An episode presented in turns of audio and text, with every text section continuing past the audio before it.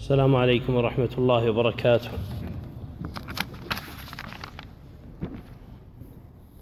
إن الحمد لله نحمده ونستعينه ونستغفره ونتوب إليه ونعوذ بالله من شرور أنفسنا وسيئات أعمالنا من يهده الله فلا مضل له ومن يضلل فلا هادي له واشهد ان لا اله الا الله وحده لا شريك له واشهد ان محمدا عبده ورسوله صلى الله عليه وسلم وعلى اله واصحابه واتباعه باحسان الى يوم الدين وسلم تسليما كثيرا اما بعد فاحمد الله جل وعلا ان يسر هذا اللقاء ونسال الله جل وعلا ان يكون في ميزان حسنات إخواننا العاملين في مكتب الدعوة والإرشاد وتوعية الجاليات في سكاكا ونسأل الله بمنه وكرمه أن ينفعنا بما نقول وبما نسمع وأن يرزقنا جميعا العلم النافع والعمل الصالح إنه جواد كريم أيها الإخوة الكرام كما سمعتم عنوان هذا الدرس شرح منظومة العلامة سليمان بن سحمان رحمه الله تعالى في بيان علامات صحة القلب وهذه المنظومة بالغة الأهمية لما فيها من بيان علامات صحة القلب وذلك لمكانة مؤلفها ومواقفه المشرفة في الدفاع عن السنة والذب عن العقيدة والرد على المخالفين لأصول الشريعة ولما للكلام في علامات صحة القلب من أهمية عظيمة فإن معرفة علامات صحة القلب وعلامات مرضه من شأنه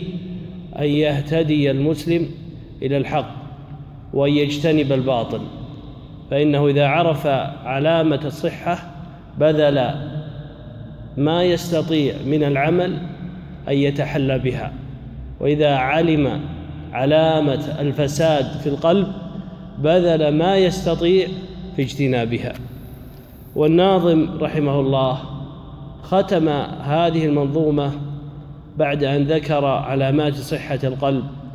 ختمها ببيان مجمل عقيدة أهل السنة والجماعة وكلامنا في هذا الدرس إنما هو على القسم الأول منها وهو ما يتعلق بعلامات صحة القلب وهذه العلامات التي ذكرها المؤلف رحمه الله إنما اقتبسها من كلام العلامة الإمام ابن القيم رحمه الله في كتابه القيم إغاثة اللهفان فإن ابن القيم رحمه الله ذكر ستة, ستة ذكر ستة علامات من علامات صحة القلب في ذلك الكتاب فالناظم رحمه الله نظم هذه العلامات ليسهل على الطالب حفظ هذه العلامات ولتكون منارا يستنير به طالب طالب صحة قلبه والمؤلف رحمه الله هو إمام جليل علم مبجل هو الإمام العلامة سليمان بن سحمان بن مصلح بن حمدان بن مسفر بن محمد بن مالك بن عامر الخثعمي نسبا التبالي العسيري أصلا ومولدا النجدي منشأ ومستقرا وقد جمع الناظم رحمه الله نسبه ببيتين فقال سليمان سحمان وسحمان مصلح ومصلح حمدان وحمدان مسفر أولئك أجدادي سلالة عامر إلى خثعم يعزى وبالخير يذكر واختلف في سنة مولده فقيل في العام التاسع والستين بعد المئتين والألف للهجرة وقيل في العام السادس والستين بعد المئتين والألف للهجرة وقيل في العام الثامن والستين بعد المئتين والألف للهجرة والشيخ رحمه الله نشأ في بلدة إسقاء من من بلدان عسير ثم انتقل مع والده إلى الرياض وذلك لما استقر لما استقرت الرياض بولاية الإمام فيصل بن تركي رحمه الله عام الثمانين بعد المئتين والألف وكان عمر المترجم آنذاك إحدى عشرة سنة ثم انتقل رحمه الله مع والده إلى ناحية من بلاد الأفلاج وذلك بعد وفاة الإمام فيصل بن تركي رحمه الله نشأ رحمه الله في بيت علم وفي بيت عقيدة وفي بيت حمية للعقيدة وكان والده من حفاظ القرآن الكريم ومن العلماء العاملين فأخذ عن والده القرآن الكريم تلقينا وأخذ أيضا عنه مبادئ علوم الشريعة فنشأ رحمه الله على العلم ومحبته ومحبة القرآن والسنة وتعظيم النصوص وأثرت هذه النشأة على حياته كذلك أثرت عليه مسيرته في طلب العلم فإن الشيخ رحمه الله ابتدأ طلبه للعلم على يد والده كما ذكرنا فحفظ القرآن عن ظهر قلب ولما يبلغ الحادية عشرة من عمره وبعد أن حفظ القرآن أخذ مبادئ علوم الشريعة على والده عن والده ثم لازم الشيخين العلامة الإمام الجهبل الذاب عن السنة عبد الرحمن بن حسن بن محمد بن عبد الوهاب رحمه الله شارح كتاب, كتاب التوحيد الذي له كتاب فتح المجيد وأيضا لازم ابنه الإمام العلامة الذاب عن السنة الشيخ عبد اللطيف بن عبد الرحمن بن حسن الذاب عن السنة الذي له جهود كبيرة في بيان العقيدة السلفية عقيدة التوحيد التي التي أرسل الله جل وعلا بها رسوله صلى الله عليه وسلم كانت هذه الملازمة تزيد على عشر سنين وكان ذلك بعد سفره إلى الرياض مع والده ثم بعد العام الواحد والتسعين بعد المئتين والألف للهجرة نزل في ناحية من بلاد الأفلاج فلازم الشيخ الإمام العلامة الجهبذ الذاب عن السنة حمد بن عتيق رحمه الله فانظر شيوخه شيوخه إنما هم شيوخه إنما هم علماء جلاء مجاهدين في سبيل الله يجاهدون يجاهدون أهل الشبه ويردون على المبطلين فلا فلا فليس من الغريب أن يكون التلميذ على طريقة أشياخه فهو لازم الشيخ حمد بن عتيق رحمه الله حتى توفي الشيخ حمد في العام الأول بعد 300 والألف للهجرة وكان والده الشيخ سحمان قد توفي في هذا العام فرجع الشيخ من الأفلاج إلى الرياض ولازم علماء وإمة زمانه في في الرياض فهو لازم أهل العلم الكبار فممن أخذ عنهم العلم أخذ كما تقدم عن والده سحمان وأخذ أيضا كما تقدم عن عبد الرحمن بن حسن وعن عبد اللطيف بن عبد الرحمن بن حسن وأخذ أيضا عن ابن عبد اللطيف وهو عبد الله بن عبد اللطيف بن عبد الرحمن بن حسن فهو أخذ عن عن الحفيد والابن والجد وأيضا أخذ عن حمد بن عتيق رحمه الله علامة الأفلاج وأخذ عن حمد بن فارس رحمه الله وغيرهم من أئمة الدين رحمهم الله أجمعين والشيخ رحمه الله كان له أثر كبير على تلاميذه وعلى مجتمعه فإنه كان إماما مقتدا في السنة وفي الذب عنها أخذ عن الشيخ رحمه الله أبناؤه صالح وعبد العزيز وعبد الله رحمهم الله أبناء الشيخ سليمان بن سحمان وأيضا أخذ عنها الإمام العلم المعروف بالعقيدة السلفية عقيدة التوحيد سليمان بن حمدان رحمه الله وأيضا الشيخ المشهور بالعلم والدعوة الشيخ عمر بن حسن بن حسين آل الشيخ رحمهم الله رحمة واسعة وأيضا الشيخ عبد اللطيف بن إبراهيم آل الشيخ وأخوه الشيخ عبد الملك وأيضا أخذ عنه أخذ عن الشيخ سليمان بن سحمان العلم الإمام الشيخ عبد الله العنقري وهو عالم من كبار العلماء كذلك الشيخ عبد الرحمن بن ناصر بن حسين والشيخ أيضا العلم الإمام الشيخ عبد العزيز المرشد وهؤلاء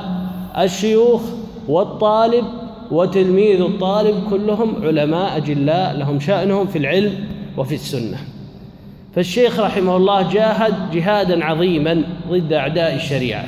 والمنحرفين عن الحق فكان منارا يهتدى به وكان علما على الجهاد في سبيل الله حيث شرق به اعداء السنه وما ذاك الا لما عرف به من بيان الحق والامر بالمعروف والنهي عن المنكر وبيان العقيده السلفيه العقيده الصافيه التي جاء بها رسول الله صلى الله عليه وسلم ألف كتب كثيرة جلها في الرد على المخالفين وهذا هدي أئمة الدعوة رحمهم الله فإنهم يعلمون العلم ويبينون العقيدة ويردون على من خالف العقيدة من مؤلفاته كتاب الأسنة الحداد في رد شبهات علوي الحداد وأيضا الجواب المنكي في الرد على الكنكي والصواعق المرسلة الشهابية في الرد في الرد على الشبه الداحضة الشامية ومنهاج الحق وضياء الشارق الضياء الشارق في الرد على شبهات المادق المارق وغيرها من المؤلفات فيا لها من ردود عظيمة ورسائل نفيسة داحضة للباطل ناصرة للسنة مبينة للعقيدة الصحيحة عقيدة السلف الصالح القائمة على رد الباطل وعدم المداهنة في ذلك وتصفية السنة من شوائب الأهواء والضلالات والبدع وللشيخ بن باز رحمه الله وهو تلميذ هؤلاء الأئمة الكبار والطالب في مدرسة إمام الدعوة الإمام الشيخ المجدد محمد بن عبد الوهاب رحمه الله قال الشيخ عبد العزيز بن باز رحمه الله متى سكت أهل الحق عن بيان عن بيان اخطاء المخطئين واغلاط الغالطين لم يحصل منهم ما امرهم الله به من الامر بالمعروف والنهي عن المنكر ومعلوم ما يترتب على ذلك من اثم الساكت عن انكار المنكر وبقاء الغالط على غلطه والمخالف للحق على خطئه وذلك خلاف ما شرعه الله من النصيحه والتعاون على الخير الشيخ رحمه الله كغيره من الأئمة والعلماء الكبار الذين نهجوا منهاج النبوة في العقيدة والعمل والدعوة لا بد أن يحصل لهم شيء من الأذى كما قال الله سبحانه وتعالى وكذلك جعلنا لكل نبي عدوا من المجرمين فالحق والباطل في صراع إلى أن تقوم الساعة وراية الجهاد في سبيل الله جهاد أعداء الدين والمفسدين في الأرض وأهل الشبه قائمة لا يمكن أن تسقط وذلك لأن الحق والباطل لا يمكن أن يجتمع بل هما متفرقان فما دام أنهما متفرقان فهما في في جهاد وفي جلاد والحق منصور وممتحن فلا تعجب فهذه سنة الرحمن فالشيخ رحمه الله لما كان يصدع بالحق ويأمر بالمعروف وينهى عن المنكر ويحذر من الباطل فهو كغيره تعرض للأذى فإنه لما استقر في الرياض الاستقرار الأخير أخذ يرد على أعداء السنة شاما وعراقا وحجازا ونجدا وغربا ممن شرق بدعوة الحق دعوة التوحيد والسنة فشكاه أعداء الدعوة إلى ابن رشيد فتوعده ابن رشيد بالقتل أو قطع اللسان أو إجلائه عن بلاد المسلمين فكان كلما أراد أن يبطش به كفاه الله جل وعلا وحماه وتعرض للابتلاء العظيم إلا أنه صبر على ما جاءه من الأذى حتى نفع الله سبحانه وتعالى بجهوده وبدعوته أثنى العلماء عليه ثناء عاطرا فمن ثنائهم قال العلامة محمد شكري الألوسي رحمه الله هو علامة الزمان وملاذ الفضل والعرفان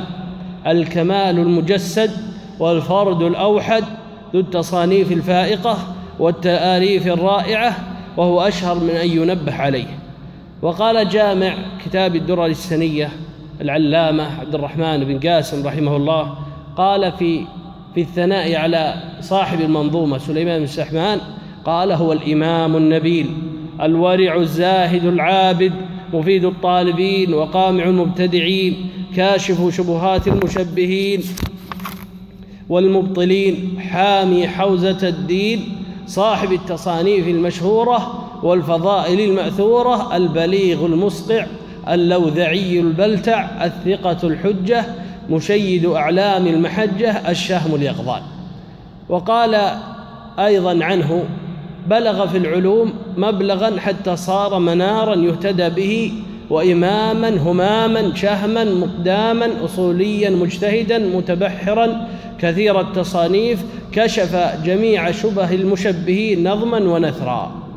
وقال الشيخ ابن بسام رحمه الله في كتاب علماء نجد قال هو العالم المصنف واللسان المدافع عن الدعوة السلفية وقال عنه أيضا جرد قلمه للرد على هؤلاء المغرضين ولسانه برائع الشعر على المارقين وقال الشيخ سليمان بن حمدان تلميذه قال رحمه الله هو الشيخ الإمام الجليل الفاضل النبيل العالم العلامة بقية أهل الاستقامة جامع أشتات الفضائل والمكارم من لا تأخذه في الحق لومة لائم سيف الله المسلول على من حاد عن شريعة الرسول حلال معضلات ومجري رحل مشكلات وقامع المشركين والمبتدعين الورع الزاهد العابد المجاهد ذو القلم السيال والنظم الذي هو أرق من العذب الزلال قريع الزمان فائق الأقران الشيخ سليمان بن سحمان توفي رحمه الله هذا العلم المجاهد الإمام الهمام توفي في العام التاسع والأربعين بعد ثلاثمائة والألف على رأس ثمانين عاما قضاها في الجهاد في سبيل الله وبيان السنة ونشرها والدعوة إلى الله والأمر بالمعروف والنهي عن المنكر والذب عن السنة رحمه الله رحمة واسعة وغفر له ولجميع علماء المسلمين إخواني الكرام هذه المنظومة أهميتها كما تقدم من أمرين الأمر الأول مكانة الناظم وسمعتم مكانة الناظم فإنه كلما كان صاحب النظم أو صاحب النثر ذو مكانة علمية عالية كان هذا مؤثرا على ما ينظمه أو ما ينثره من من كلامه الذي يبين فيه أمر الله عز وجل ثم أيضا لما في مكانة علم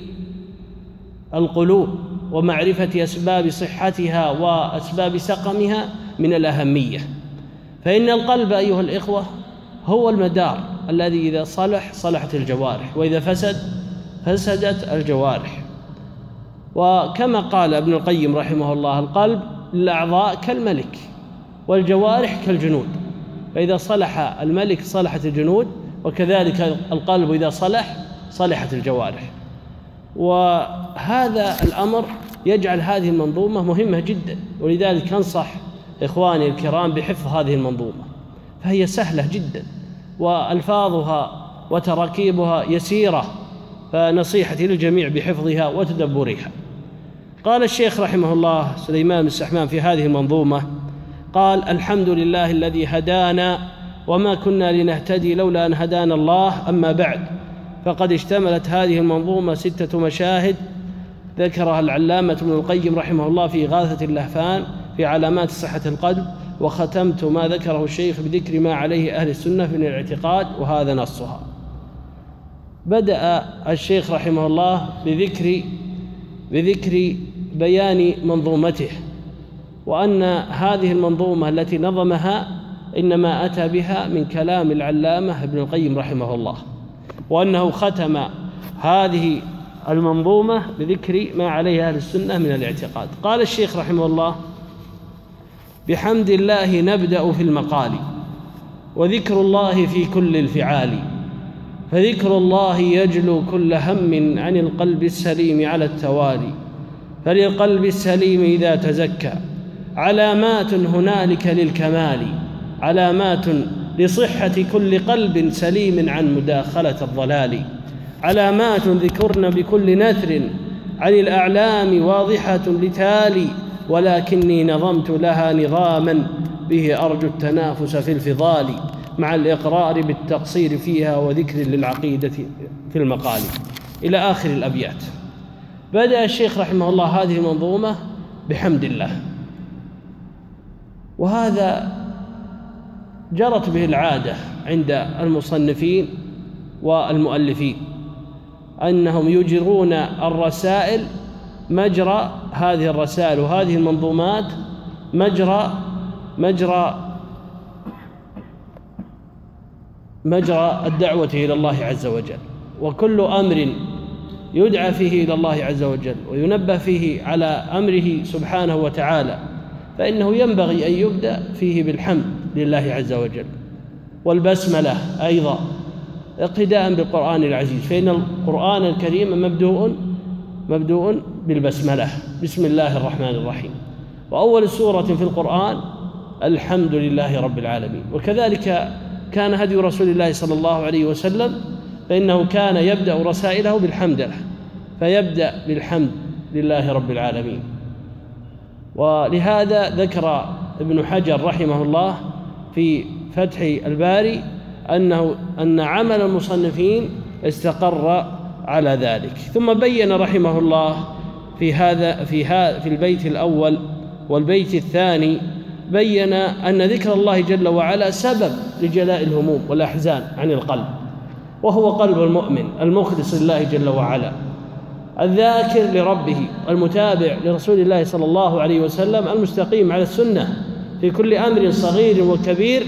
السالم من الانقياد لغير رسول لغير الله جل وعلا ولغير شرعه قال رسول الله صلى الله عليه وسلم كما في الحديث الصحيح في البخاري ومسلم من حديث النعمان بن بشير رضي الله عنه الحلال بين والحرام بين وبينهما امور مشتبهات لا يعلمهن كثير من الناس ومن اتقى الشبهات استبرأ لعرضه ودينه ومن وقع في الشبهات وقع في الحرام كراع يرعى حول الحمى يوشك أن يقع فيه ألا وإن لكل ملك حمى ألا وإن حمى الله محارمه ألا وإن في الجسد مضغة إذا صلحت صلح الجسد كله وإذا فسدت فسد الجسد كله ألا وهي القلب فالشيخ رحمه الله اعتنى بالقلب لأنه أساس الصلاح وهو أيضا أساس الفساد فإذا صلحت هذه المضغة صلح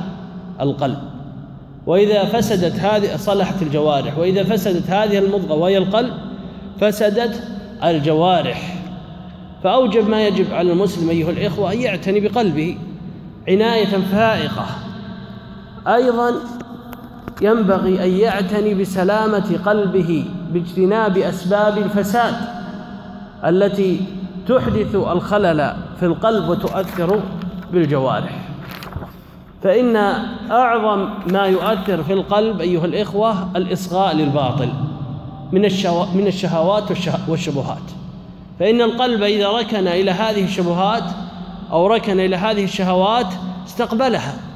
ثم أثر ذلك في الجوارح كما قال الله جل وعلا وكذلك نج وكذلك جعلنا لكل نبي عدوا شياطين الإنس والجن يوحي بعضهم إلى بعض زخرف القول غرورا ولو شاء ربك ما فعلوه فذرهم وما يفترون ولتصغى إليه أفئدة الذين لا يؤمنون بالآخرة وليرضوه وليقترفوا ما هم مقترفون فأولا يصغي ثم يرضى ثم يقترف هذه مراحل الشر فإذا صغى القلب إلى الباطل استقر الباطل في القلب ثم أصبح عقيدة ثم عمل به ووالى وعاد عليه ولهذا أعظم ما يجب على المسلم أن يحذر من الاصغاء الباطل للشيخ ابن القيم رحمه الله كلام نفيس يقول رحمه الله القلب يتوارده جيشان من الباطل جيش شهوات الغي وجيش شهوات الباطل فأي قلب صغى إليها وركن إليها شربها قلبه وامتلأ بها فنضح لسانه وجوارحه بموجبها فإن أشرب شبهات الباطل تفجرت على لسانه الشكوك والشبهات والإيرادات فيظن الجاهل أن ذلك لسعة علمه وإنما ذلك من عدم علمه ويقينه ثم إن الشيخ رحمه الله قال في هذا في هذا في البيت الثاني قال قال فذكر الله يجلو كل هم عن القلب السليم على التوالي فذكر الله يجلو كل هم عن القلب السليم على التوالي فبين الشيخ رحمه الله أن القلب الذي يسلم من الأمراض هو القلب السليم الذي سلم من أمراض الشبهات وأمراض الشهوات المخبت لله عز وجل الذي سلم من التعلق بغير الله جل وعلا من المخلوقين ولابن القيم رحمه الله كلام في تعريف القلب السليم يقول رحمه الله اختلفت عبارات الناس في القلب السليم والامر الجامع لذلك انه الذي قد سلم من كل شهوه تخالف امر الله ونهيه ومن كل شبهه تعارض خبره فسلم من عبوديه ما سواه وسلم من تحكيم غير رسول الله فسلم في محبه الله مع تحكيمه لرسول الله في خوفه ورجائه والتوكل عليه والإنابة إليه والذل له وإيثار مرضاته في كل حال والتباعد عن سخطه بكل طريق وهذا هو حقيقة العبودية التي لا تصلح إلا لله سبحانه وتعالى ثم قال الشيخ رحمه الله فللقلب السليم إذا تزكى علامات هنالك للكمال هذا القلب السليم الذي مر ذكر وصفه وهو القلب الذي سلم من التعلق بغير الله ومن كل شبهة ومن كل شهوة تعارض أمر الله وخبره بين أن أن أن له أن لصحته علامات وأن هذه العلامات لا يستشعرها أحد كل أحد إنما يستشعرها من حقق حقق أمرين الأمر الأول التزكي ولهذا يقال فللقلب السليم إذا تزكى فهذه هي الأمر الأول لكي تعرف صح أسباب صحة قلبك أو أن في قلبك مرض هذا هو هذه هي الوسيلة الأولى وهي التزكي فالقلب المتزكي بفعل الطاعات واجتناب المحرمات وطلب الحق وتحريه في كل أمر صغير كان أو كبير هو القلب الحي الذي يدرك أسباب سلامته ونجاته ولهذا يقول الله جل وعلا والشمس وضحاها والقمر إذا تلاها والنهار إذا جلاها والليل إذا يغشاها والسماء وما بناها والأرض وما طحاها ونفس وما سواها فألهمها فجورها وتقواها قد أفلح من زكاها وقد خاب من دساها قد أفلح من زكى نفسه بفعل امر الله واجتناب نهيه وطلب الحق وتحريه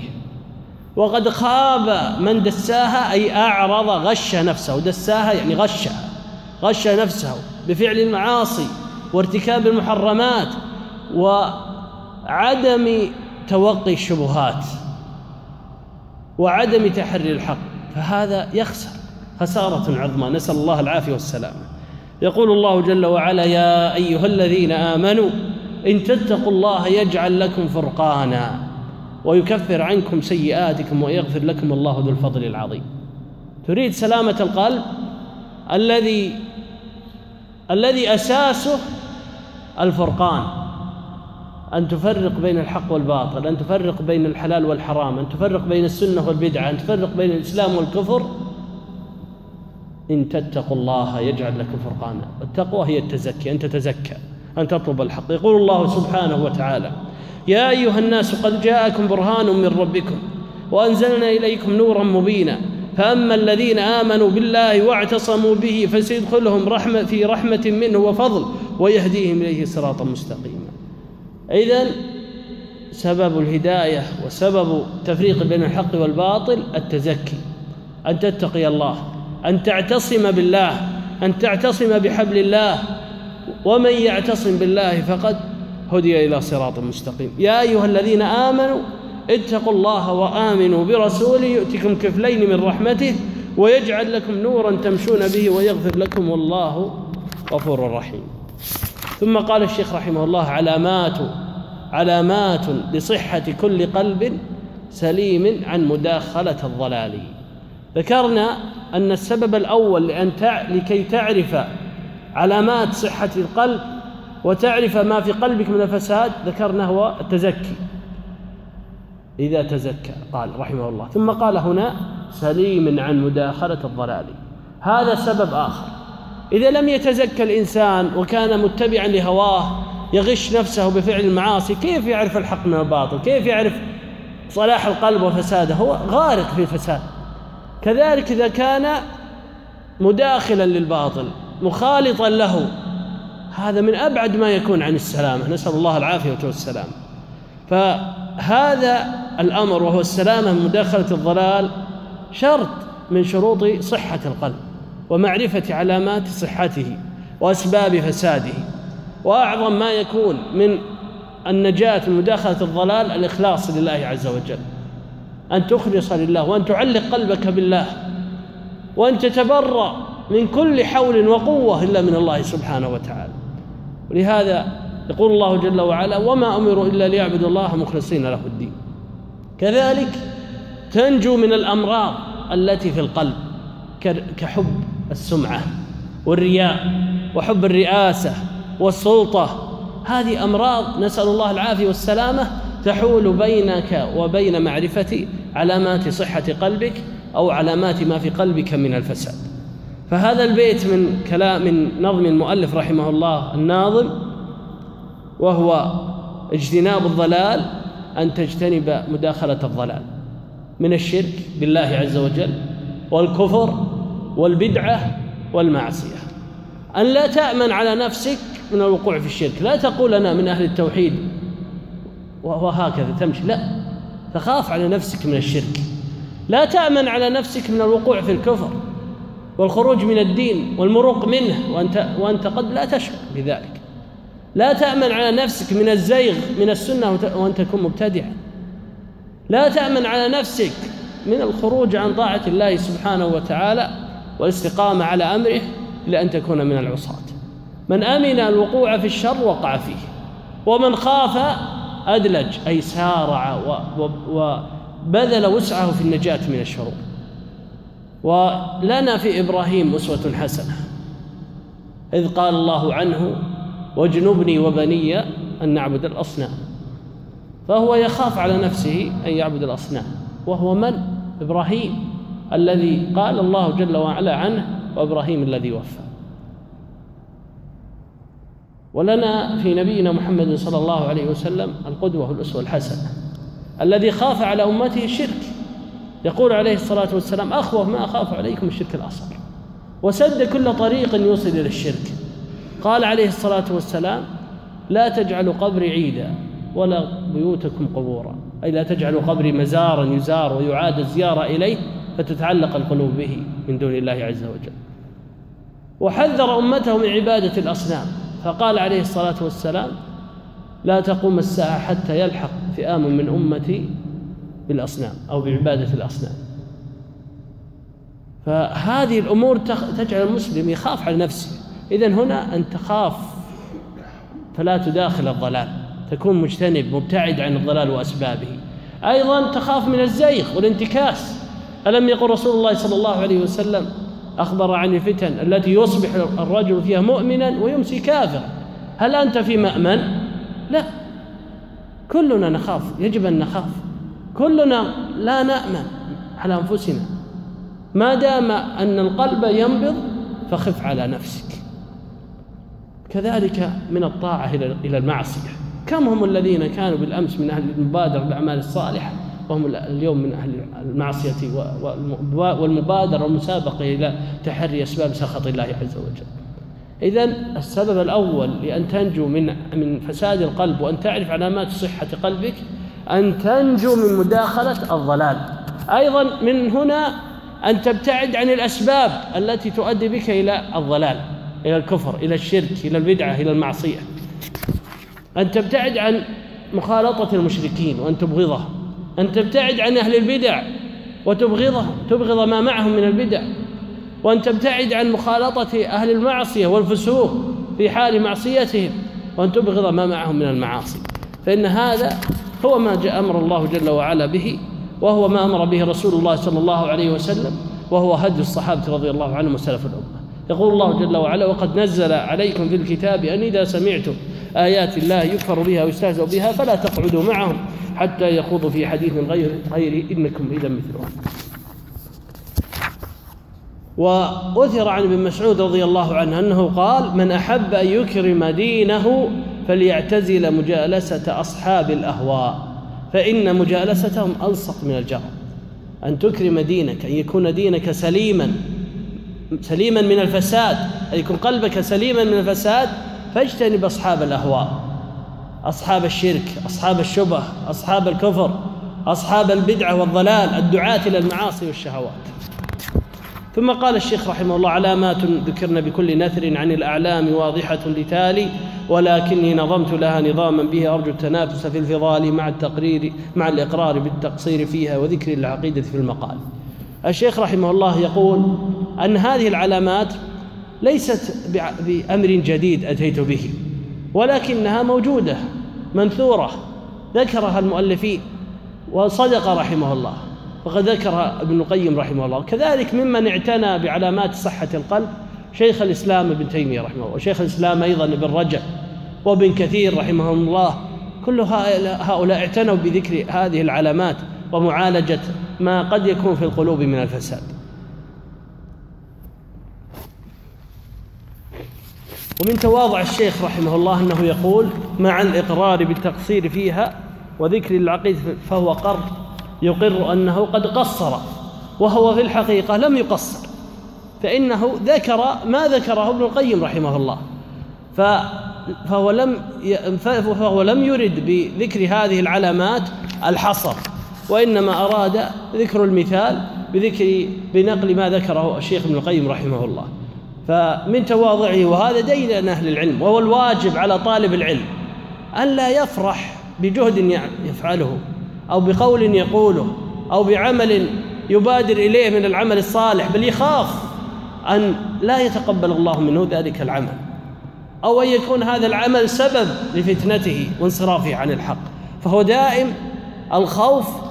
وهو دائم يقر على نفسه بالتقصير مهما بذل واجتهد في العمل الصالح ومبادرة الأعمال الصالح والجهاد في سبيل الله إلا أنه يجب أن يكون مقرا بالتقصير حتى حتى يزداد رقيا وارتفاعا في درجات الحق ثم أن الشيخ رحمه الله قال في بيان العلامة الأولى من علامات صحة القلب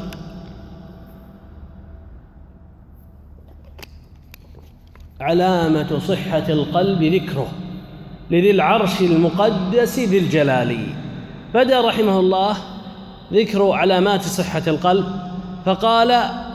ان فقال علامه صحه القلب ذكره اي ان اعظم علامات صحه القلب ذكر الله عز وجل ايها الاخوه مثل القلب الذي صاحبه ذاكر ذاكر لله عز وجل والقلب الغافل كمثل الحي والميت كما ثبت عن رسول الله صلى الله عليه وسلم من حديث ابي موسى الاشعري في البخاري مثل الذي يذكر ربه والذي لا يذكر ربه مثل الحي والميت وهذا حديث عظيم يبين لك هذا الذي يذكر الله مثل مثل الحي فقلبه حي صحيح سليم وهذا الذي هو غافل عن ذكر الله او معرض عنه مثله كمثل الميت اي قلبه ميت انه ممتلئ بالفساد نسأل الله العافية والسلامة والذكر أيها الإخوة من أعظم الأعمال وأجلها وأيسرها وهو أنواع فمنه ما يكون بالقلب ومنه ما يكون بالجوارح ومنه ما يكون باللسان أما القلب فهو التعلق بالله واستحضار معيته والخوف منه واستحضار رحمته للمؤمنين ونصره لأهل الإيمان وأيضا الحياء من الله عز وجل فهذا من أعظم ما يكون من ذكر الله وأيضا في الجوارح بأداء عموم العبادات من الصلاة والزكاة والحج والأمر بالمعروف والنهي عن وغير ذلك وباللسان وذلك بالذكر المعروف بالتسبيح والتهليل والتحميد والتكبير فكل من كان عابدا لله عز وجل فهو له ذاكرا سواء كان بالقلب أو بالجوارح أو باللسان وليس الذكر أيها الإخوة هنا محصورا على اللسان إنما هو عام في كل أمر يتعبد الله جل وعلا به ذكر ابن القيم رحمه الله تعريفا للذكر قال ذكره أي جميع أنواع طاعته فكل من كان في طاعته فهو ذاكر له وان لم يتحرك لسانه بالذكر وقال الشيخ الاسلام ابن تيميه رحمه الله كل ما تكلم به اللسان وتصوره القلب مما يقرب الى الله من تعلم علم وتعليمه وامر بالمعروف ونهي عن المنكر فهو من ذكر الله ولهذا من اشتغل من اشتغل بطلب العلم النافع بعد اداء الفرائض او جلس مجلسا يتفقه فيه او يفقه الفقه الذي سماه الله ورسوله فقها فهذا أيضا من أفضل ذكر الله عز وجل وقال النووي رحمه الله قال القاضي عياض ذكر الله ضربان ذكر بالقلب وذكر باللسان وذكر قلب نوعان احدهما وهو ارفع الاذكار واجلها الفكر في عظمه الله عز وجل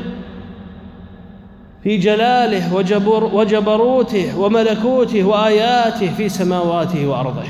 ومنه الحديث خير الذكر الخفي والمراد به هذا والذكر والنوع الثاني ذكره بالقلب عند الأمر والنهي فيمتثل ما أمر الله به ويترك ما نهى الله عنه ويقف عندما أشكل عليه وأما ذكر اللسان مجردا فهو أضعف الأذكار ولكن فيه فضل ولكن فيه فضل عظيم كما جاءت به الأحاديث فذكر الله أيها الإخوة عام بالقلب والجوارح واللسان والمحروم أيها الإخوة من يكسل عن ذلك أن يكسل عن مراقبة الله عز وجل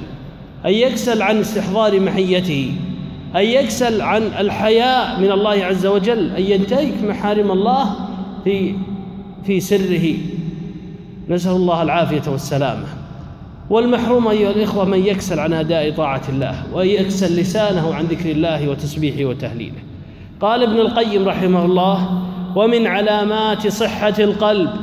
أنه لا يزال يضرب على صاحبه حتى ينيب إلى الله ويخبت اليه ويتعلق به تعلق المحبوب تعلق المحب المضطر الى محبوبه الذي لا حياه له ولا فلاح ولا نعيم ولا سرور الا برضاه وقربه والانس به فبه يطمئن واليه يسكن واليه ياوي وبه يفرح وعليه يتوكل وبه يثق واياه يرجو وله يخاف فذكره قوته وغذاؤه ومحبته والشوق اليه حياته ونعيمه ولذته وسروره والالتفاف الى غيره والتعلق بسواه داؤه والرجوع الى دواء الرجوع اليه دواؤه فاذا حصل له فاذا حصل له رب فاذا حصل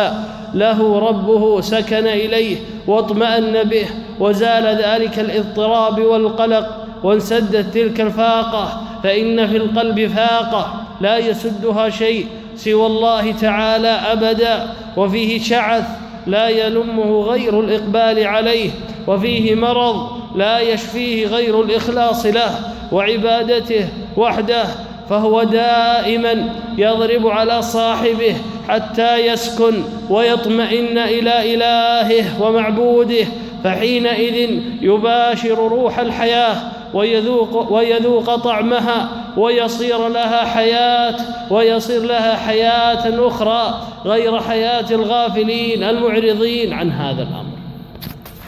هذا هو ذكر الله وهو العلامة الأولى من علامات صحة القلب قال رحمه الله وخدمة ربنا في كل حال بلا عجز هنالك أو ملال ولا يأنس بغير الله طرا سوى من قد يدل إلى المعالي ويذكر ربه سرا وجهرا ويدمن ذكره في كل حال أعظم درجات ذكر الله وهي من أعظم علامات صحة القلب الاشتغال بالله جل وعلا عما سواه في السراء والضراء والأمن والخوف والغنى والفقر فهو أيها الإخوة لا يفتر عن ذكر الله لا يفتر عن التعلق بالله لا يفتر عن الاشتغال بالله لا يفتر عن استحضار معية الله هذا هو صاحب القلب السليم ثم أيضا هو يستمتع بهذه الدنيا بالمال والبنون والزوجة لكن يجعل ذلك يقود إلى الله سبحانه وتعالى فهو لا يأنس بشيء من المال أو الزوج أو الصحب أو شيء من هذه الدنيا إلا ما كان دالا إلى معالي الأمور ولا يأنس بغير الله طرا سوى من قد يدل إلى المعالي فهو يستخدم هذه الدنيا والترفيه فيها للاستعانة بها على التنشط على طاعة الله والاستقامة على أمره قال الله جل وعلا في بيان حال هذا الرجل أو من كان ميتا فأحييناه وجعلنا له نورا يمشي به في الناس كمن مثله في الظلمات ليس بخارج منها كذلك زين للكافرين ما كانوا يعملون فصحة القلب وسلامته بالاشتغال بالله أن تستحضر العبودية لله سبحانه وتعالى أن تستحضر أنك مملوك لله جل وعلا لا تخرج عن قضائه الكوني قيد أنمله ولا يجب أن تخرج عن قضائه شرعي شيئا أبدا بل تكون منقادا لأمر الله في كل أمر صغير أو كبير يقول الله جل وعلا في بيان حال هؤلاء القوم الله نور السماوات والأرض مثل نوره كمشكاة فيها مصباح المصباح في زجاجة الزجاجة كأنها كوكب دري يوقد من شجرة مباركة زيتونة لا شرقية ولا غربية يكاد زيتها يضيء يكاد يكاد زيتها يضيء ولو لم يمسسه ولو تم ولو لم تمسسه نار نور على نور يهدي الله لنوره من يشاء ويضرب الله الأمثال للناس والله بكل شيء عليم هذا المثل هو مثل نور الله في قلب عبده هذا العبد الذي لا يأنس بغير الله طرا سوى من قد يدل إلى المعالي ويذكر ربه سرا وجهرا ويدمن ذكره في كل حال نسأل الله أن يصلح قلوبنا قال ابن القيم رحمه الله ومن علامات صحة القلب أن لا يفتر عن ذكر ربه ولا يسأم من خدمته ولا يأنس بغيره إلا من يدله إليه ويذكره به ويذاكره بهذا الأمر وقال رحمه الله ليس في الكائنات شيء غير غير الله عز وجل يسكن القلب إليه ويطمئن به ويأنس به ويتنعم بالتوجه إليه ولهذا إذا وجدت القلب غافلا عن الله لا يستحضر معية الله وهو لاهن في هذه الدنيا ضعيف الذكر لله سبحانه وتعالى في لسانه وقلبه وجوارحه فاعلم أن هذا دليل على مرض في قلبه وفساد فاحذر أيها الأخ المسلم أن يكون هذا المرض في قلبك ثم قال الشيخ رحمه الله مبينا العلامة الثانية وهي من أعظم علامات صحة القلب قال ومنها وهو ثانيها إذا ما يفوت الورد يوما لاشتغال فيألم للفوات أشد مما يفوت على الحريص من الفضال هذه هي العلامة الثانية من علامات صحة القلب وهي أن يشعر المسلم بألم في قلبه لفوات ورده الذي اعتاده من العمل الصالح أشد مما يفوت الحريص على جمع نفائس المال وكريمها مما لا تتك... مما, لا... مما هو فرصة لا يتكرر هذه أيها الإخوة صورة بليغة تأمل قوله رحمه الله أشد مما يفوت على الحريص من الفضال يعني تخيل ذلك التاجر الذي عنده تجارة ومساهمة كبيرة في تنمية ماله وقد فاته موسم للربح فكيف ترى ذلك التاجر هذا امر معلوم لا ليس ليس بمجهول انه يتحسر ويتندم على فوات تلك الفرصه فكذلك اعظم منه صاحب القلب السليم اذا فاته الورد الذي اعتاده من العمل الصالح فانه يعلم اشد ما يكون الالم لفوات ذلك الورد ولا مقارنه بين بين الامرين وبين الاثنين فإن الحريص على مضاعفة الأجور والحسنات يتعامل مع من؟ مع الله سبحانه وتعالى أما ذلك الحريص على جمع المال فإنه فإن هذا المال منحة من الله ليس ليس يختص بها أهل الإيمان عن أهل الكفر ولا أهل الكفر عن أهل الإيمان بل هي منحة مشاعة يهبها الله لمن شاء من خلقه أما الحسنات فإنها ليست إلا لمن اصطفى الله واختاره نسأل الله أن يجعلنا وإياكم من أولئك فوات الورد من أعمال البر ومواسم الخير وفرصه تؤلم صاحب القلب السليم أما صاحب القلب المريض فإنها تمر عليه الفرص ويفوت عليه الورد ثم الورد ثم الورد ولا يجد في قلبه أثرا لذلك ابن القيم رحمه الله ذكر هذه العلامة في إغاثة اللهفان قال ومن علامات صحته أنه إذا فاته ورده وجد بفواته ألم أعظم من تألم الحريص بفوات ماله وفقده وفقده وقال رحمه الله الفوت عند العارفين بالله أشد عليه من الموت لأن الموت الفوت انقطاع عن الحق والموت انقطاع عن الخلق فكم بين الانقطاعين ثم الشيخ رحمه الله بين العلامة الثالثة قال رحمه الله ومنها شحه بالوقت يمضي ضياعا كالشحيح ببذل مالي هذه هي العلامة الثالثة أيها الإخوة من علامات صحة القلب فتأمل هذا الرجل الذي هو ذاكر لله في لسانه وقلبه وجوارحه وهو شديد الحرص على الاشتغال بالله عز وجل في سره وجهره ويدمن ذكره في كل حال تأمل هذا الرجل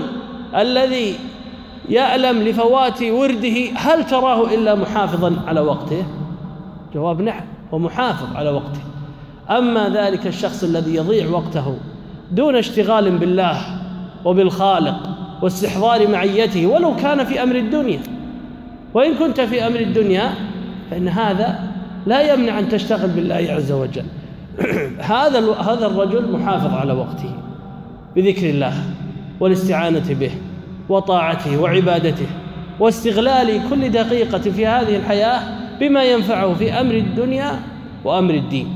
فأما أمر الدنيا لكي يستعين بها على على أمر على أمر الله عز وجل واما امر الدين فانه هو الذي يقرب الى الله والخساره العظيمه الكبيره الجليله التي ليست بعدها خساره ان يضيع العمر في معصيه الله عز وجل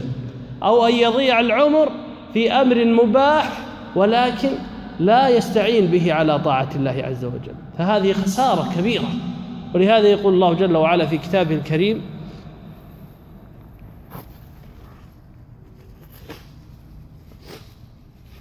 والعصر إن الإنسان لفي خسر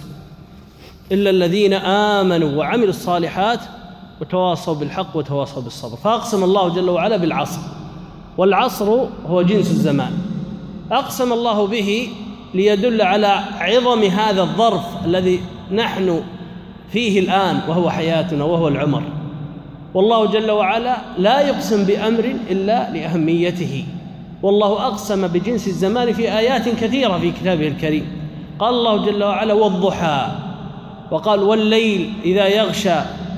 وأقسم سبحانه وتعالى بالنهار والنهار إذا تجلى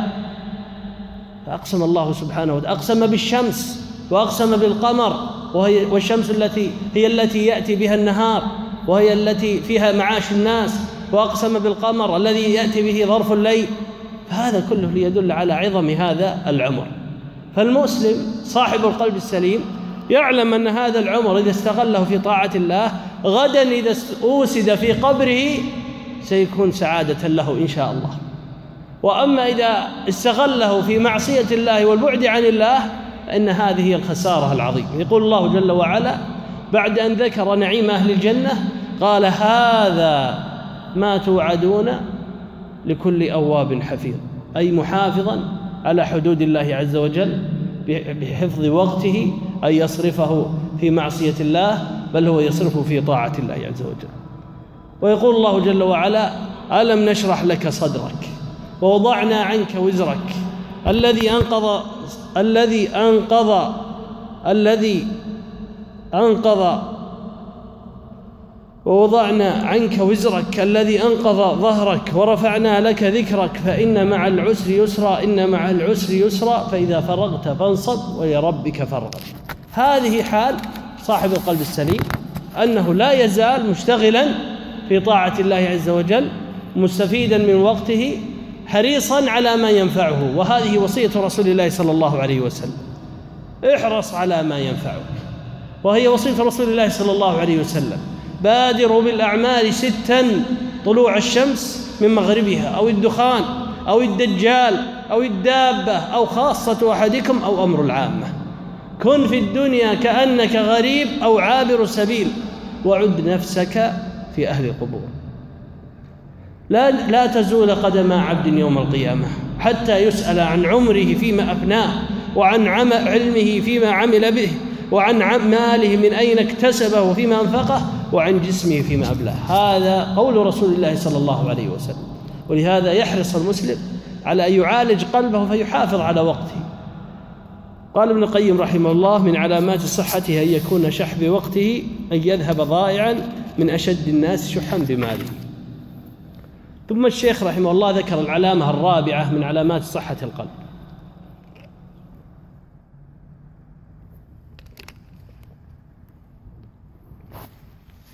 قال رحمه الله وايضا من علامته اهتمام بهم واحد غير انتحال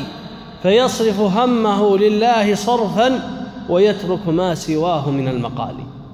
بين الناظم رحمه الله في هذه العلامه الرابعه من علامات صحه القلب ان صاحب القلب السليم يجمع فكره وعقله وهمه بالله تعالى فلا يكون له اهتمام بغير الله ولا سعي إلا لمرضاة الله ولا إيثار إلا لأمر الله فهو معرض عن هواه وعما تشتهيه نفسه وإن أخطأ وزل ووقع في معصية وخطيئة فهو سريع الندم والرجوع عن ذلك وسريع المبادرة إلى ما يرضي الله سبحانه وتعالى ويدل هذا أيضا على علامة من علامات مرض القلب وفساده وهي أن يكون الإنسان متفرق الهم لا يشتغل بالله وليس همه بالله وليس همه أن يرضي الله عز وجل بل همه وكدحه كله في سبيل شهوته وما تريده نفسه نسأل الله العافية والسلامة فصاحب القلب السليم أيها الإخوة لاشتغاله بالله ومتابعة رسول الله صلى الله عليه وسلم فإنه يصدق قول يصدق يصدق قوله فعله ففعله دائما متابع لقوله فإن قال بالبر عمل به وإن علم بالحق سعى إليه وهذا وهؤلاء هم أهل الإيمان أما أهل فساد القلب وأهل فساد الدين وهم أهل النفاق وأهل الإيمان الضعيف نسأل الله العافية والسلامة فإنهم لا, ليسوا على هذه الحال بل هم معرضون عن أمر الله عز وجل وإذا دعوا إلى الله عز وجل ورسوله ولينقادوا لأمر الله تراهم معرضين ولهذا يقول الله جل وعلا ويقولون آمنا بالله وأطعنا ثم يتولى فريق منهم من بعد ذلك وما أولئك بالمؤمنين وإذا دعوا إلى الله ورسوله ليحكم بينهم إذا فريق منهم معرضون وإن يكن لهم الحق يأتوا إليه مذعنين أفي قلوبهم مرض أم ارتابوا أم يخافون أن يحيف الله عليهم ورسوله بل أولئك هم الظالمون نعم في قلوبهم مرض كل من أعرض عن الحق في قلبه مرض كل من علم الحق وتركه في قلبه مرض كل من كفر بالله في قلبه مرض أخرجه عن الإسلام كل من وقع في الشرك في قلبه مرض أخرجه عن الإسلام ووقع في الشرك به بسببه كل من كان من أهل البدع وخرج عن السنة فلوجود الشبهة والمرض في قلبه كل من انقاد لهواه واستقام على معصيته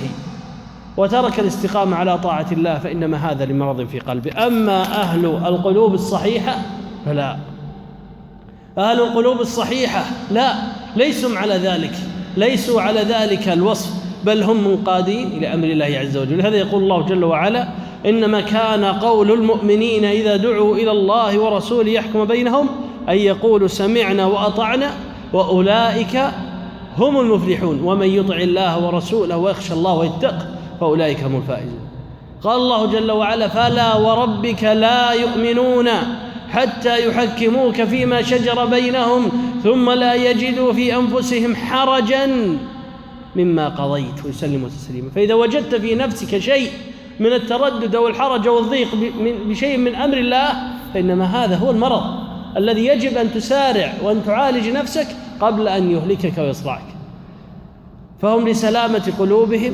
لا يجدون في نفوسهم حرجا مما قضى الله به ورسوله صلى الله عليه وسلم ولا يجدون في نفوسهم تردد ولا رجوع عن امر الله عز وجل ولهذا ورد في صحيح مسلم ان رسول الله صلى الله عليه وسلم قال من حديث انس بن مالك رضي الله عنه لا يؤمن احدكم حتى اكون احب اليه من ولده ووالده والناس اجمعين قال ابن القيم رحمه الله مبينا هذه العلامة قال لا يكفيه هذا حتى يسلم من الانقياد والتحكيم لكل من عدا رسول الله صلى الله عليه وسلم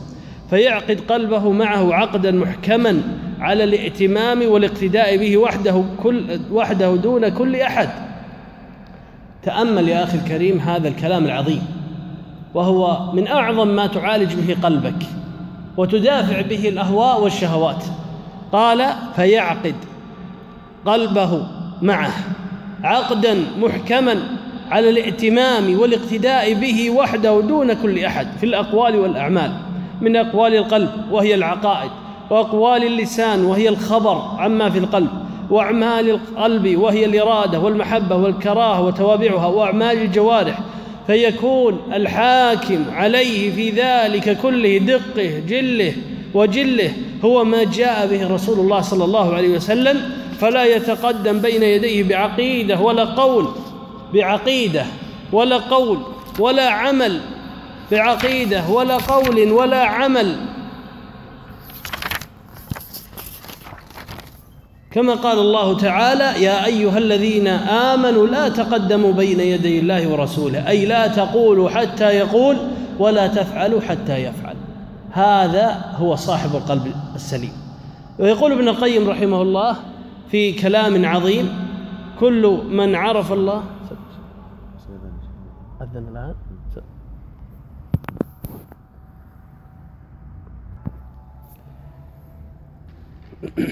يقول ابن القيم رحمه الله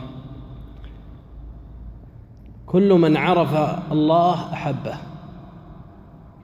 كل من عرف الله أحبه واخلص العباده له ولا بد ولم يؤثر عليه شيئا من المحبوبات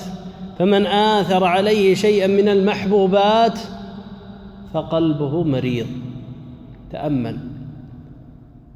إذن أن تؤثر ما يحبه الله جل وعلا وأن تشتغل بهذا الهم وهو رضا الله سبحانه وتعالى والا ترضي احدا من المخلوقين كائنا من كان بسخط الله بل ترضي الله سبحانه وتعالى اولا واخيرا قال رحمه الله ايضا من علامات صحته ان يكون هم ان يكون ان يكون همه واحدا وان يكون لله وقال رحمه الله ومن علامات صحته ايضا ان يرتحل عن الدنيا حتى ينزل بالآخرة ويحل فيها حتى يبقى كأنه من أهلها وأبنائها جاء إلى هذه الدنيا غريبا يأخذ منها حاجته ويعود إلى وطنه هذا كلام عظيم أيها الإخوة لمن تأمله وفقهه وقال رحمه الله كلما صح القلب من مرضه ترحل إلى الآخرة وقرب منها حتى يصير من اهلها وكلما مرض القلب واعتل آثر الدنيا واستوطنها حتى يصير من أهلها نسأل الله أن يصلح قلوبنا نسأل الله أن يصلح قلوبنا قال الشيخ رحمه الله وبقي علامتين بقي هذه من علامات صحة القلب العام الخامسة والسادسة قال رحمه الله وأيضا من علاماته إذا ما دنا وقت الصلاة لذي الجلال وأحرم داخلا فيها بقلب منيب خاضع في كل حال تناءى همه والغم عنه بدنيا تضمحل إلى زوال ووافى راحة وسرور قلب وقرة عينه ونعيم بال ويشق الخروج عليه منها فيرغب جاهدا في الابتهال لصاحب القلب السليم أحوال عظيمة مع الصلاة فمن أعظم علامات صحة القلب تعظيم هذه الصلاة بالقلب والجوارح فصاحب القلب السليم معظم للصلاة في قلبه وجوارحه فمتى ما وجد نفسه أكثر تعظيما لهذه الشعيرة دل ذلك على صلاح قلبه كما أنه يجد لهذه الصلاة أثرا في نفسه وذلك بمجرد دخول وقت الصلاه وشروعه فيها فان كل هم من همومه يزول وكل غم عنده يحول الا الله سبحانه وتعالى فان قلبه متعلق به فهو يجد راحه في قلبه وسرور وطمانينه ونعيم وقرة عين بهذه الصلاة حتى يعز عليه الخروج منها ويشق عليه إنهاؤها ولكنه لا بد له من إنهائها فهو بعد إنهائها يبادر يبادر إلى ذكر الله يبادر إلى ذكر الله عز وجل فيرغب جاهدا في الابتهال فيذكر الله جل وعلا بذكر الصلاة والصلاة أيها الإخوة هي عمود الدين التي من تركها كفر بالإجماع فمن ترك الصلاة كفر وقد قال رسول الله صلى الله عليه وسلم العهد الذي بيننا وبينهم الصلاة أجمع الصحابة على ذلك وهي قرة عين أهل الإيمان الذين لا يشغلهم شيء عنها كما قال الله جل وعلا ألف لام ميم ذلك الكتاب لا ريب فيه هدى للمتقين الذين يؤمنون بالغيب ويقيمون الصلاة وقال الله جل وعلا واستعينوا بالصبر والصلاة وإنها لكبيرة إلا على الخاشعين الذين يظنون أنهم ملاقوا ربهم وأنهم إليه راجعون ويقول الله جل وعلا فإذا اطمأننتم فأقيموا الصلاة إن الصلاة كانت على المؤمنين كتابا موقوتا ويقول جل وعلا إنما وليكم الله ورسوله والذين آمنوا الذين يقيمون الصلاة الذين وقال جل وعلا الذين يمسكون بالكتاب وأقاموا الصلاة هذه صفة أهل الإيمان أما صفة أهل النفاق فإنهم لا يأتون الصلاة إلا وهم كسالى وذلك لمرض قلوبهم فمن أعظم علامات صحة القلب أداء هذه الصلاة يقول الله جل وعلا إنما المؤمنون الذين إذا ذكر الله وجلت قلوبهم وإذا تليت عليهم آياته زادتهم إيمانا وعلى ربهم يتوكلون الذين يقيمون الصلاة ومما رزقناهم ينفقون أولئك هم المؤمنون حقا لهم درجات عند ربهم مغفرة ورزق كريم فهذه أيها الإخوة من أعظم علامات صحة القلب وقد كان رسول الله صلى الله عليه وسلم كان إذا فزعه أمر وأهمه فزع إلى الصلاة فقد روى أبو داود وصححه الألباني من حديث عبد الله بن محمد بن حنيفية, بن حنيفية قال انطلقت أنا وأبي إلى صهر لنا من الأنصار نعود فحضرت الصلاة فقال لبعض أهله يا جارية ائتوني بوضوء لعلي أصلي فأستريح قال فأنكرنا ذلك عليه فقال سمعت رسول الله صلى الله عليه وسلم يقول قم يا بلال أقم فأرحنا بالصلاة وقال عليه الصلاة والسلام كما في الحديث أخرجه النسائي وصاحب الألباني حبب إلي النساء والطيب وجعلت قرة عيني في الصلاة وفي عند أبي داود من حديث حذيفة رضي الله عنه أن رسول الله صلى الله عليه وسلم قال كان النبي أن حذيفة قال كان النبي صلى الله عليه وسلم إذا حزبه أمر صلى فهذه هي علامة أهل الإيمان وهي الفارقة بين المسلم والكافر وبين صاحب الإيمان وصاحب النفاق يقول ابن القيم رحمه الله ومن علامات صحته أنه إذا دخل في الصلاة ذهب همه وغمه بالدنيا واشتد عليه خروجه منها ووجد فيها راحة ونعيم وقرة عين وسرور قلب ثم قال الناظم رحمه الله في العلامة الأخيرة من علامات صحة القلب ونختم بها شرح هذه المنظومة قال وأيضا من علامته اهتمام بتصحيح المقالة والفعال وأعمال ونيات وقصد على الإخلاص يحرص بالكمال أشد تحرسا وأشد هما من الأعمال ثمة لا يبالي بتفريط المقصر ثم فيها وإعراض وإفراط وتشديد وإفراط وتشديد لغالي وتصحيح النصيحة غير غش يمازج صفوها يوما بحال هذه العلامة عظيمة من علامات صحة القلب وهي أن يهتم المسلم بتصحيح عقيدته وقوله وفعله ليكون على ما جاء به الله جل وعلا وعلى ما أرسل الله سبحانه وتعالى به رسوله صلى الله عليه وسلم وهذا هو الغاية من إرسال الرسل أن يعبدوا أن يعبد الناس ربهم على على بصيرة وأن يتبعوا الرسل قال الله جل وعلا الذي خلق الموت والحياة ليبلوكم أيكم أحسن عملا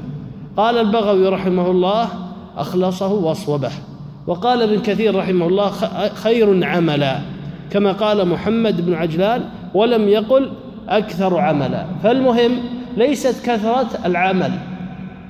مع مخالفة السنة إنما المطلوب صحة العمل وذلك بأن يحقق فيه صاحبه أمرين أن يحقق صاحبه فيه أمرين وهما الإخلاص لله والمتابعة لرسول الله صلى الله عليه وسلم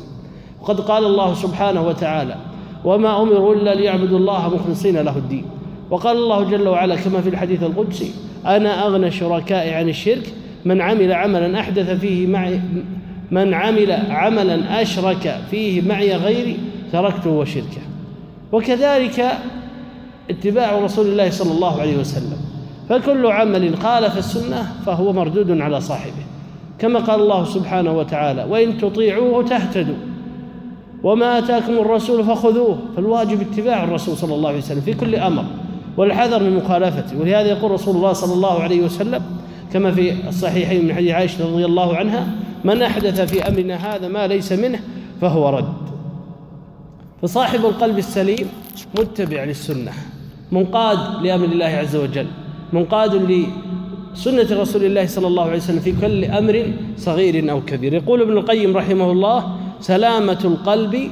من إرادة تعارض الإخلاص وهوى يعارض الاتباع فهذا حقيقة سلامة القلب الذي ضمنت له النجاة والسعادة وقال رحمه الله وهكذا المشرك إنما ينقم على الموحد تجريده للتوحيد وأنه لا يشوبه بالإشراك وهكذا المبتدع إنما ينقم على السني متابعة رسول الله صلى الله عليه وسلم وأنه لم يشبها بآراء الرجال ولا بشيء مما خالفها فصبر الموحد المتبع لرسول الله صلى الله عليه وسلم على ما ينقمه عليه أهل الشرك والبدعة خير له وأنفع وأسهل عليه من صبره على ما ينقمه الله ورسوله عليه من موافقة أهل الشرك والبدعة ثم قال رحمه الله ويحرص في اتباع النص جهدا مع الإحسان في كل الفعال ويصغي ولا يصغي لغير النص طرا ولا يعبأ بآراء الرجال هذه أيضا من من العلامات التي يعرف بها صاحب القلب السليم أنه متبع للنص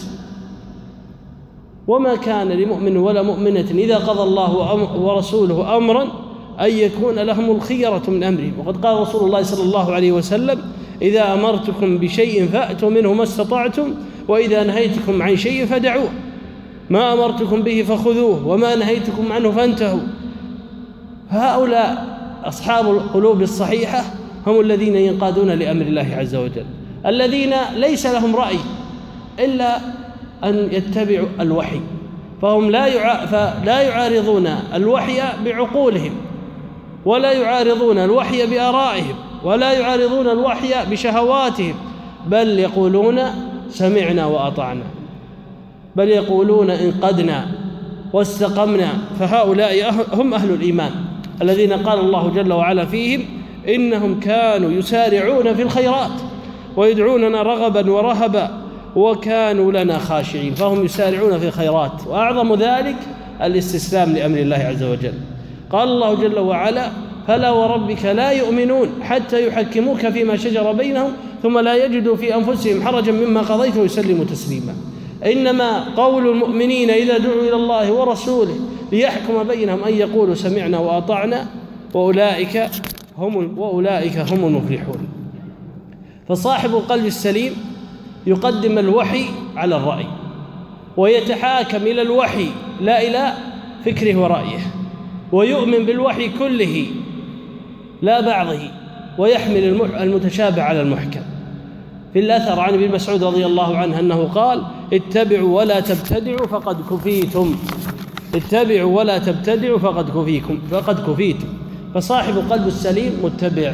مستقيم على السنة قال ابن القيم رحمه الله القلب الصحيح السليم ليس بينه وبين قبول الحق ومحبته وإيثاره سوى إدراكه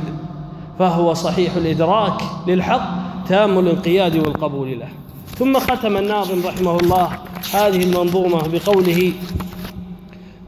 هذه الأبيات المت... وهي الجزء الأول من المنظومة وهي التي نعني بشرحنا قال فست مشاهد للقلب منها علامات عن الداء العضال ويشهد منه للرحمن يوما بما أسدى عليه من الفضال ويشهد منه تقصيرا وعجزا بحق الله في كل خلال فقلب ليس يشهدها سقيم ومنكوس لفعل الخير قال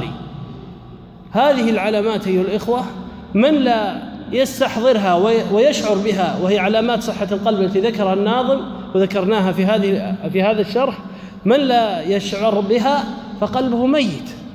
منكوس لفعل الخير قال معرض عن الحق معرض عن أسباب نجاته وأسباب فلاحه وأسباب فوزه ومقبل على أسباب الهلاك والخسارة في الدنيا والآخرة نسأل الله العافية والسلامة وأعظم ما يكون عليه صاحب القلب السليم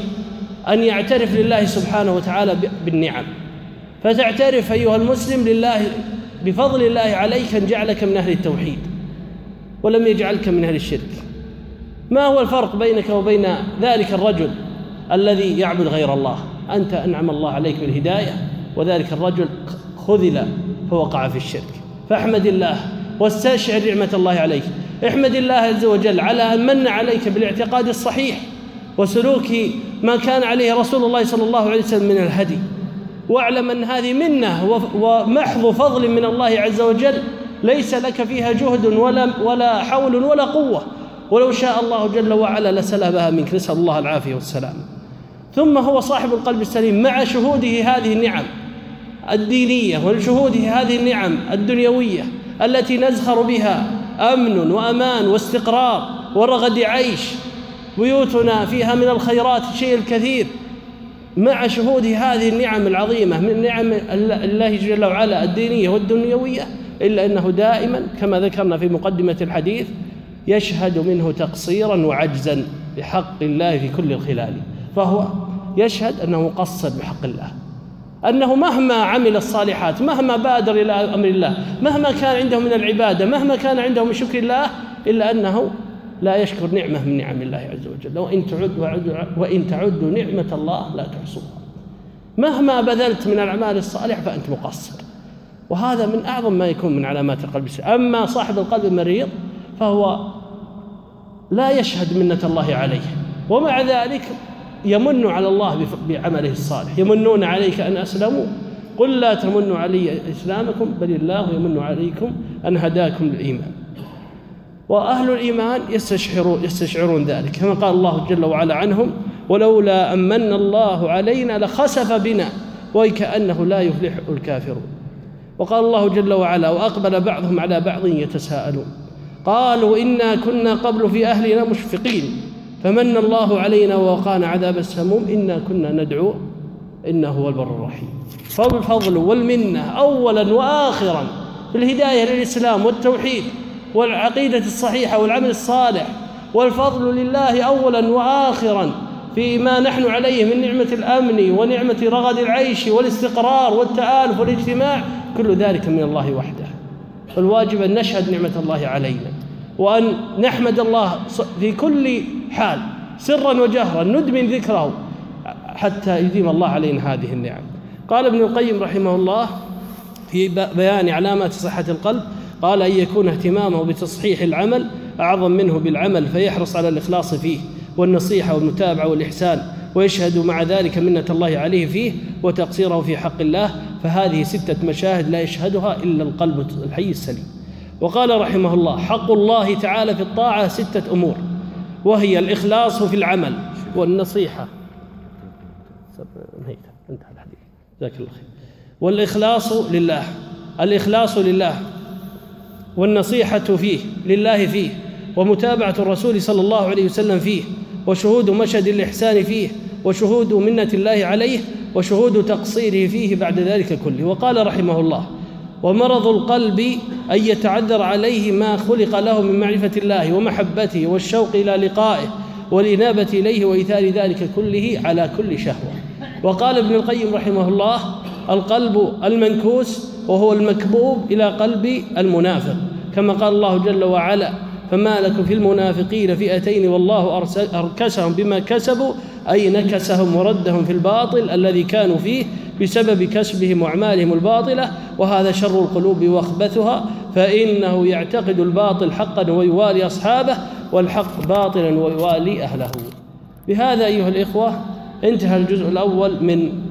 من هذه المنظومة المباركة منظومة ابن سحمان رحمه الله في بيان علامة صحة القلب وبه ننهي شرحنا لهذه المنظومة ونكتفي به عن يوم غد ونسأل الله سبحانه وتعالى أن يرزقنا وإياكم العلم النافع والعمل الصالح نسأل الله في هذا الاجتماع المبارك أن يهدينا الصراط المستقيم وأن يرزقنا الاستقامة على الحق